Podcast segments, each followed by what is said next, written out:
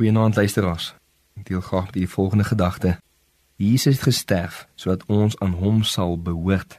1 Korintiërs 6 vers 19 en 20 sê: "Of weet julle nie dat julle liggaam 'n tempel is van die Heilige Gees wat in julle is, wat julle van God het en dat julle nie aan julleself behoort nie, want julle is duur gekoop. Verheerlik God dan in julle liggaam en in julle gees wat aan God behoort." Die meeste mense vandag dink dat hulle vry is om te doen wat hulle wil. Die realiteit is egter dat jy altyd aan iets of iemand sal behoort en daar is net een van twee opsies. Of aan sonde of aan Jesus. Elke mens wat Jesus nie ken nie, is 'n slaaf van sonde. Soos wat Jesus self gesê het in Johannes 8 vers 34.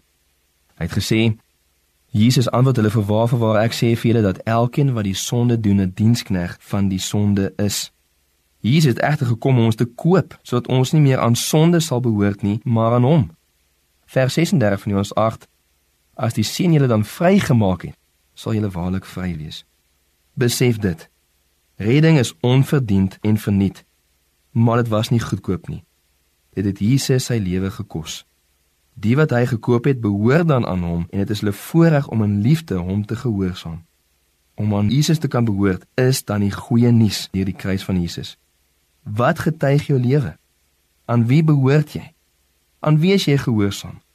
Aan sonde of aan Jesus? Kom ons bid saam. Here Jesus, U het gesterf om ons dier te koop. Vry te koop van sonde dat ons aan U sal behoort. Mag dit wees dat ons lewens sal wys. Amen.